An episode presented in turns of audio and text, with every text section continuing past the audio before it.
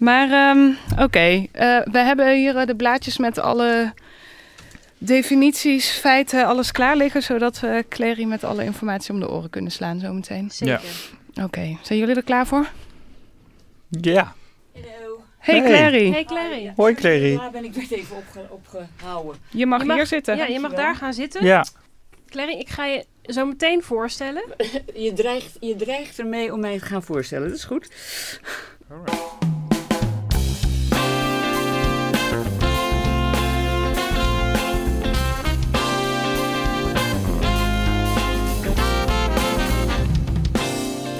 Welkom bij Trace, een gloednieuwe podcast en app van de VPRO en Human.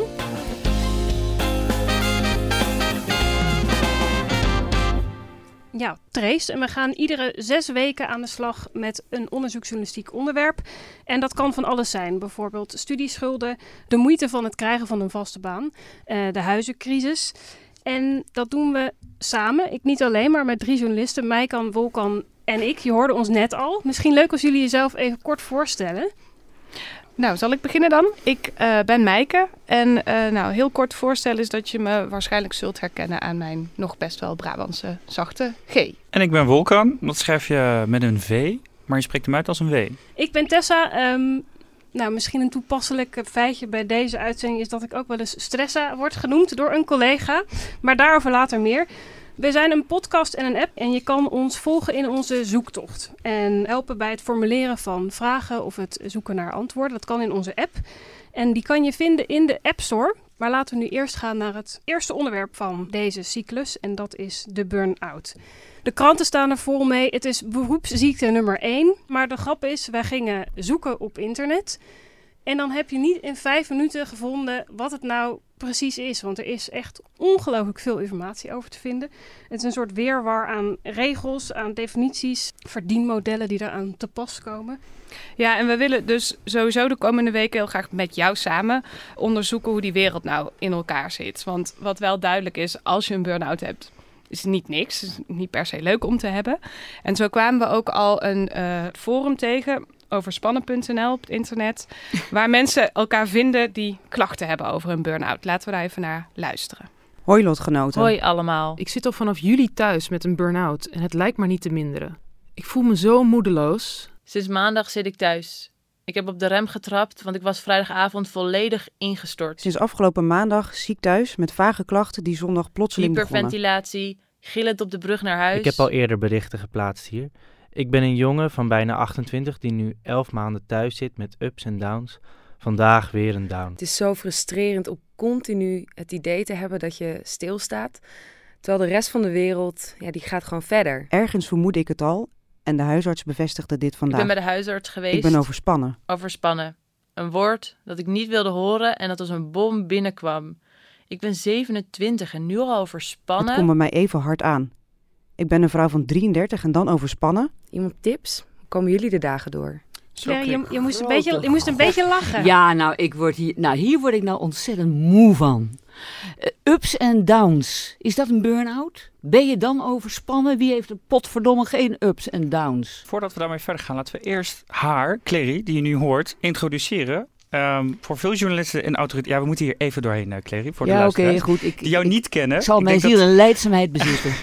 Ik denk dat veel mensen jou kennen. Ik kende je bijvoorbeeld van, eh, van Nova. Ehm, Hoe mensen- oud ben jij? Nou, ik ben oud genoeg om eh, laat op te staan en naar Nova te kijken. kijk, ja. ja, ja. Ja. Je presenteert ook het Filosofisch Quintet. Ehm, en wat doe je nu eigenlijk? Ik heb net drieënhalve maand op het toneel gestaan. Mijn debuut als acteur. En verder begeleid ik wel eens jonge journalisten op eh, hun, hun schreden.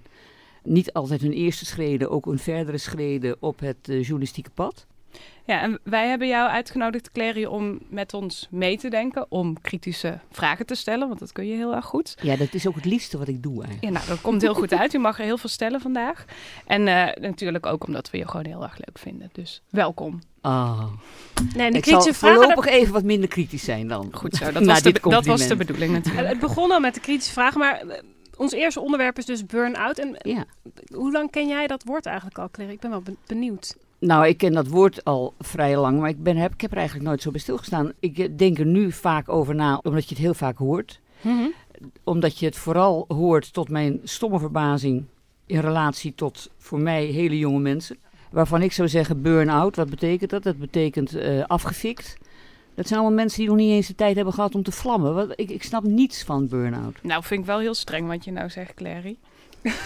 Oh, je, moet, je, Maar- ken- je kent mij nog niet. Nee, maar Jij hoe- denkt dat ik aardig ben, maar ik kan zo streng zijn. Maar Nee, hoezo kun je niet... eh, je kunt toch ook aan het begin van je carrière vlammen en dat dat al te veel is geweest? Tuurlijk, het gaat er alleen maar om dat ik het heel raar vind dat het vooral jonge mensen treft. Het is ons ook opgevallen dat het ongelooflijk diffuus is. Dat er heel verschillende termen op worden geplakt op burn-out en wat het dan precies is. En wij hebben een collage gemaakt van een aantal experts op het gebied daarvan. Bij een burn-out heb je lichamelijke en psychische klachten. Gevoelens van vermoeidheid en uitputting staan sterk op de voorgrond. Eh, je kunt ook eh snauwen geven, kortaf zijn, eh, vergeetachtig. Je hebt slaapproblemen. Er is hoofdpijn, maagpijn, darmklachten, duizeligheid. Je kunt overmatig gaan eten en gaan drinken. Of, ehm, dat verschilt natuurlijk per persoon, je kunt helemaal geen trek meer hebben. Je piekert over dingen. En omdat we het met onszelf meedragen, is het zo dat ze chronisch worden, omdat ze onomkoombaar zijn. Dus als je piekert en je loopt naar buiten om het te ontvluchten, dan heb je nog steeds dat, je eigen hoofd op je, op je romp. Dus dat iemand emotioneel, dus echt gevoelsmatig, echt helemaal klaar is. Helemaal opgebrand is eigenlijk. Ik behandel al die tijd al eh, depressieve patiënten op de polykliniek. Dus ik zit er al heel lang in, maar hoe langer ik erin zit, hoe minder ik eigenlijk begrijp wat stress eigenlijk is. En burn-out en of het wel iets is, vraag ik me soms af. Dat Die laatste lijkt me een hele goede vraag. Een- zeker een goede vraag. Dat is psychiater eh, Witte Hogendijk die je daar hoorde. Die Ja. ontzettend veel onderzoek heeft gedaan naar dit onderwerp. Wat vind je hier eigenlijk van, Clary? Nou ja, wat mij dus opvalt in jullie collage is dat. eh, ik, ja, ik, ik word altijd vreselijk nerveus als het van alles kan zijn. En als iemand gaat zeggen van het kan zijn dat je eh, heel veel gaat eten of helemaal niks, dan kan het dus alles zijn. Wat is het? Waarom is het blijkbaar tegenwoordig een, een, een, een, een item? Ja, wij dachten dus ook, we beginnen eerst gewoon met de simpele vraag: hoeveel mensen hebben er eigenlijk een burn-out? Omdat je er juist zoveel over hoort, hoe groot is het probleem dan? En dan zie je heel veel krantenberichten en heel veel media hebben het over. één op de zeven mensen zou een burn-out hebben. Eén op de zeven jongeren of één op de zeven Eén op de mensen? zeven mensen. Bij jongeren ligt het nog hoger. Maar één op de zeven, ik vind dat best wel veel al. Ja, heel dat veel. zou betekenen dat op onze hele redactie er al in ieder geval iemand rondloopt. En is dat zo? Gelukkig niet volgens mij. Volgens mij zijn we allemaal nog fit en, eh, en energiek. Maar het is pas de eerste maand, hè? Maar het is pas de eerste maand inderdaad. Maar het, het, het grappige is, bij één op de zeven mensen zou dan een burn-out hebben. Wij hebben dat dan even verder uitgezocht. Ehm, en met het CBS onder andere gebeld. Die, daaruit bleek dat één op de zeven dus niet een burn-out heeft, maar last heeft van burn-out klachten. En toen wij vroegen, maar hoeveel mensen hebben dan exact een burn-out? Toen waren ze daar redelijk eh, onduidelijk over of vaag over. Dus hebben wij met TNO gebeld. TNO, daar heeft het CBS weer zijn cijfers op ge- gebaseerd. Het TNO ehm, heeft wel onderzoek gedaan naar hoeveel mensen een burn-out hebben. Maar eh, komt daar, eh, komen daar cijfers uit die lijken op die 1 op 7 of is dat meer 1 op 20? De cijfers van het TNO liggen een stuk lager, rond de 5 Kijk, ja. Dus dat is inderdaad niet de 14,6 met burn-out klachten die het CBS eh, heeft gepubliceerd. Met andere woorden, ook het CBS en ook TNO weten eigenlijk niet waar ze het over hebben in dit geval. Ze hebben het over heel verschillende dingen, toch? CBS gaat alleen nog over de klachten. Dan hoef je nog, nog niet een burn-out te hebben. Dan nee, en wat is een klacht? zijn. Ik heb hoofdpijn. Heb ik dan een burn-out klacht? We hebben hier het, het testje liggen op de enquête. Dus we kunnen, we kunnen hem je even voorleggen, Clary. Kom op. Haha, ben heel benieuwd. Even kijken. Ehm, ik voel me emotioneel uitgeput door mijn werk. nee, Eh, eh, ik ben wel eens moe van mijn werk. Maar dat is heel wat anders. Ik voel me emotioneel uitgeput door mijn werk. Nou, nooit. Ik heb hartstikke leuk werk. En wat ik ook doe, of het journalistiek is, of nu, zoals nu inderdaad, ehm, eh, dat ik op het toneel sta, waar ik heel zenuwachtig voor kan zijn, maar emotioneel uitgeput, nee, nooit. Aan het eind van een werkdag voel ik me leeg. Ja, dat komt wel eens enkele keren per jaar voor, laat ik het zo zeggen. Ik voel me moe als ik 's morgens opsta en geconfronteerd word met mijn werk. Nee, Ik voel me wel eens moe als ik 's morgens opsta. Maar niet in relatie tot het geconfronteerd worden met mijn werk. Dit soort vragen, ik word daar helemaal gek van. Maar goed, nooit. En voor iedereen die nu luistert in de app, open nu je scherm, dan kan je deze test zelf doen.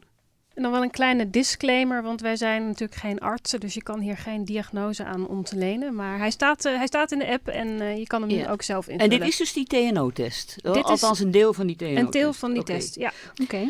Ik voel me moe als ik 's morgens opsta en geconfronteerd word met mijn werk. Nee. Dan heb je dat nooit gehad? Nee. Ik Geloof heb dat... ik niks van. Zijn er echt geen momenten geweest? Jongens, dan moet ik nu teruggaan in die 61 jaar. Nou ja, goed. Ik Zeker. heb niet mijn hele 61 jaar Afgelopen gewerkt. jaar, afgelopen jaar. Ehm, ben je nooit in het afgelopen jaar eh, dat je opstond en dacht, ik, ik weet niet vandaag. Ik heb er gewoon eh, pff, te nee, veel. Ik heb altijd, ik, ik, ik sta wel eens op dat ik denk, ik weet niet vandaag. En dan heeft het gek genoeg eh, eh, juist niet te maken met mijn werk. Maar meer dat ik dan niet weet of ik ga werken, dat ik ga werken. Ik heb, ben natuurlijk ZZP'er, ik heb niet een vaste baan. Dus er zijn dagen dat ik ook niet werk. Eh, mocht ik ooit dit soort gedachten hebben, dan is het juist als ik niet ga werken of zo. Maar meestal heb ik dan andere leuke dingen te doen. Dus nee, ik, ik, ik, moet echt naar... Ja, jullie geloven het niet, maar ik moet echt naar eer en geweten zeggen dat ik dat niet heb. Ik ben eh, wat dat betreft een enorm eh, gelukkig mens. Maar dan nog hebben we nu nog steeds hebben we het over iets waarvan we niet weten wat, Wat het is. precies is. Nee, dat klopt. In ieder geval, eh, als we wel even kijken naar de diagnose van jou, Clary, denk ik dat we nu wel even snel kunnen concluderen dat dat absoluut niet aan de orde is. Nee. Burn-out klachten. Nee. En hoe, hoe Maak was... ik die indruk wel? Nee hoor, helemaal, Oh. je komt heel uitgerust over. Dus vol- volgens het CBS heb jij geen, eh, geen eh, burn-out klachten op dit moment. In Nee. Eh, die volgens mij moet je onderscheid maken tussen eh, oorzaken en eh, dus, dus hoe, hoe komt het dat iemand een burn-out heeft, heeft en wat is een burn-out eigenlijk? Wat zijn de verschijnselen? Dus wie, wie gaat het laatst, wie gaat die verschijnselen onderzoeken? Daar ga ik mee aan de slag. Dat is iets wat ik ook heel interessant vind en waar ik verder in wil duiken. En wat we nu al gevonden hebben, is dat er wel degelijk eh, een, een algemene richtlijn is die opgesteld is door huisartsen, bedrijfsartsen en eerste lijn psychologen, die gehanteerd wordt om een burn-out te diagnosticeren. En heel in het kort komt erop neer dat je last moet hebben van overspannenheid. Dat die tenminste zes maanden moet duren. En dat daarbij moeheid en extreme uitputting echt op de voorgrond staan. En eh, wat de oorzaken daarvoor zijn, dat, dat weet ik ook nog niet precies. Maar daar ben ik heel benieuwd naar. En dat wil ik ook gaan onderzoeken. En een van de mensen waar ik naartoe ga is Witte Hoogendijk, die we net hoorden. Die heel veel onderzoek heeft gedaan naar burn-out en stress. En wat dat precies doet in je kop. Maar dit, dit klinkt dus eenlijnig. Hè? Je zegt net slaapproblemen, vermoeidheid, overspannenheid, uitputting. Ehm, maar dat kan net zo goed ook bijvoorbeeld eh, bij een depressie gelden of andersom. Ik, ik vind dat verschil even heel raar. Ik, moet even, ik maak even een soort van gedachtesprongetje naar, eh, naar mijn jeugd, waarin ik heel veel vrouwen eh, om mij heen had die een depressie hadden. Ehm, maar ik vraag me eigenlijk dan af, hadden die vrouwen wel echt een depressie of was het een burn-out? Dus ik, ik Mag, ik, mag ik e- even, misschien is het te persoonlijk dat ik dit vraag hoor, maar hoe komt het dat jij in jouw jeugd heel veel vrouwen om je heen had die een depressie hadden? Nou, dat wist ik op die leeftijd nog niet te beantwoorden. Toen wist ik alleen maar dat er heel veel vrouwen daar af en toe stiekem over praten. Dat ze stiekem over een depressie pillen. Dat noem je in het Turks, noem je dat depression ilacı. Dat is in het Nederlands een antidepressivum. Want jij hebt een Turkse achtergrond. Ik heb een Turkse achtergrond, ja.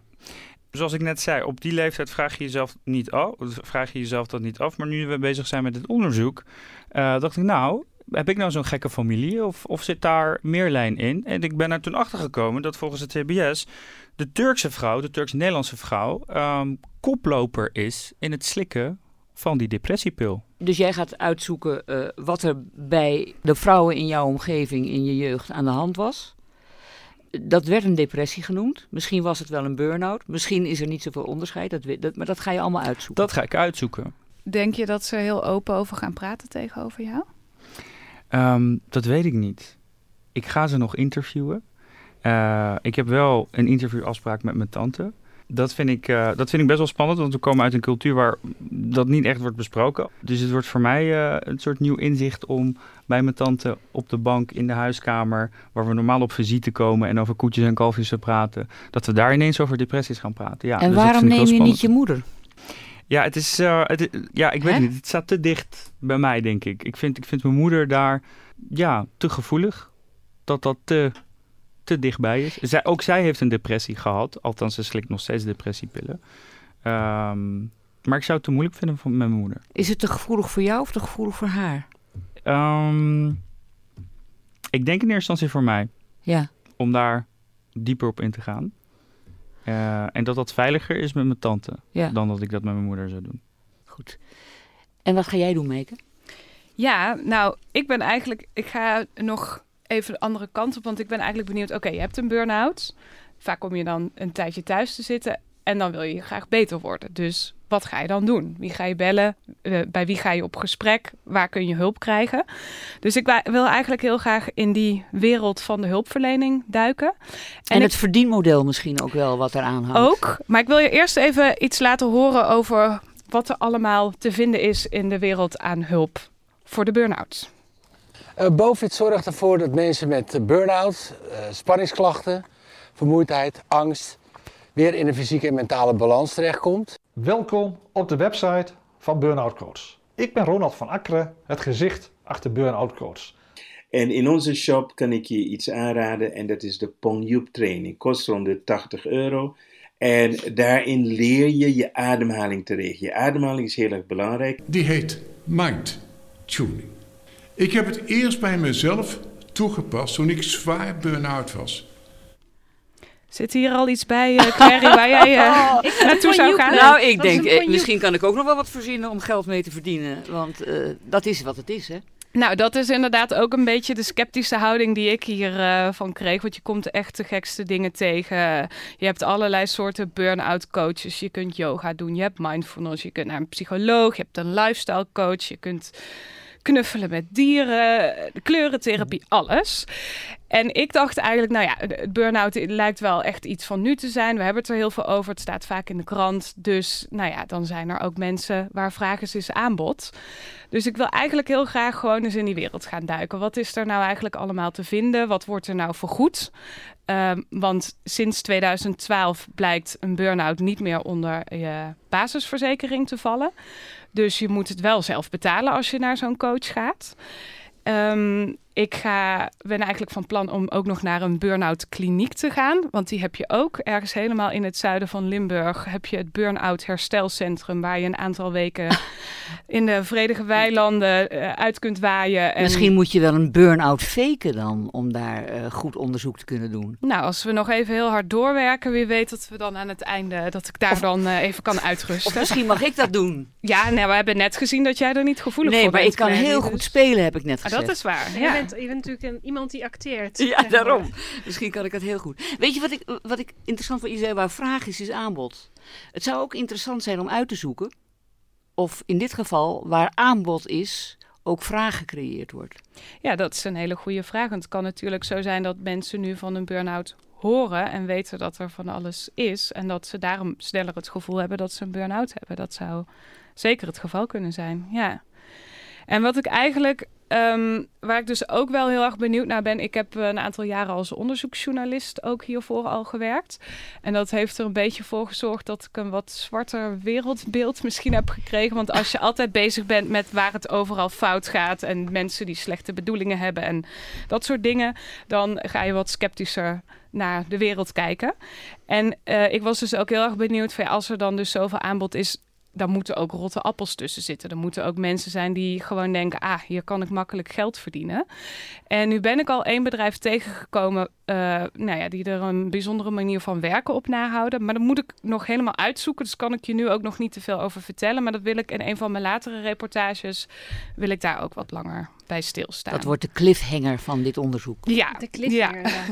Dus volgens mij moet je naar mij luisteren als je meer informatie wil over wat nou echt een officiële, laat ik zeggen, het Nederlandse burn-out is. Uh, welke richtlijnen gehanteerd wordt, hoe die samengesteld wordt, wat de oorzaak is. Bij Volkan gaan we dieper in op. Dieper in op het verschil en of er wel een verschil zit tussen een burn-out en een depressie. Of er echt zo'n Chinese muur tussen zit. Daar ben ik benieuwd naar. Ik maar ga, in jouw geval heeft het ook ja. nog een cultureel aspect, volgens mij.